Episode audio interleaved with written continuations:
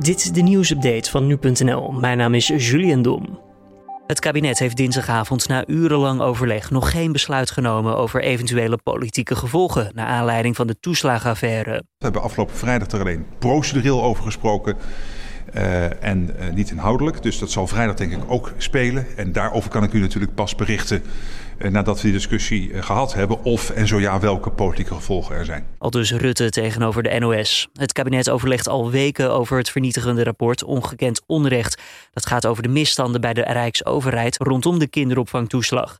Dat er zo lang nodig is voor een reactie komt volgens de premier doordat het kabinet de tijd wil nemen voor alle vraagstukken uit het rapport. De Amerikaanse vicepresident Mike Pence wil niet het 25e amendement gebruiken om Donald Trump af te zetten.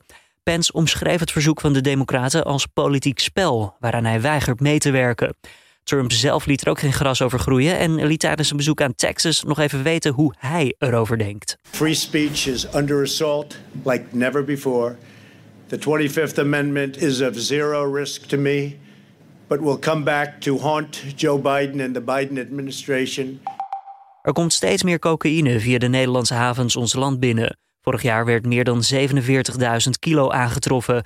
En ook werd al meer dan 67.000 kilo met als bestemming Nederland onderschept. Dat meldt de douane. Verder wordt ook Schiphol gebruikt voor het versturen van de drugs.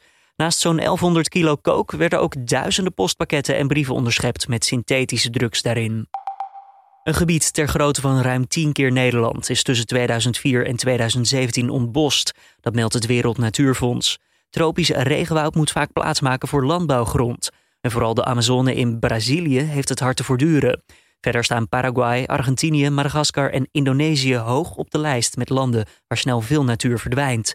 Indirect zijn de Europese landen verantwoordelijk voor de ontbossing, al dus het Wereld Natuurfonds. En dat komt mede door de grote vraag naar producten zoals palmolie, soja voor veevoer en cacao.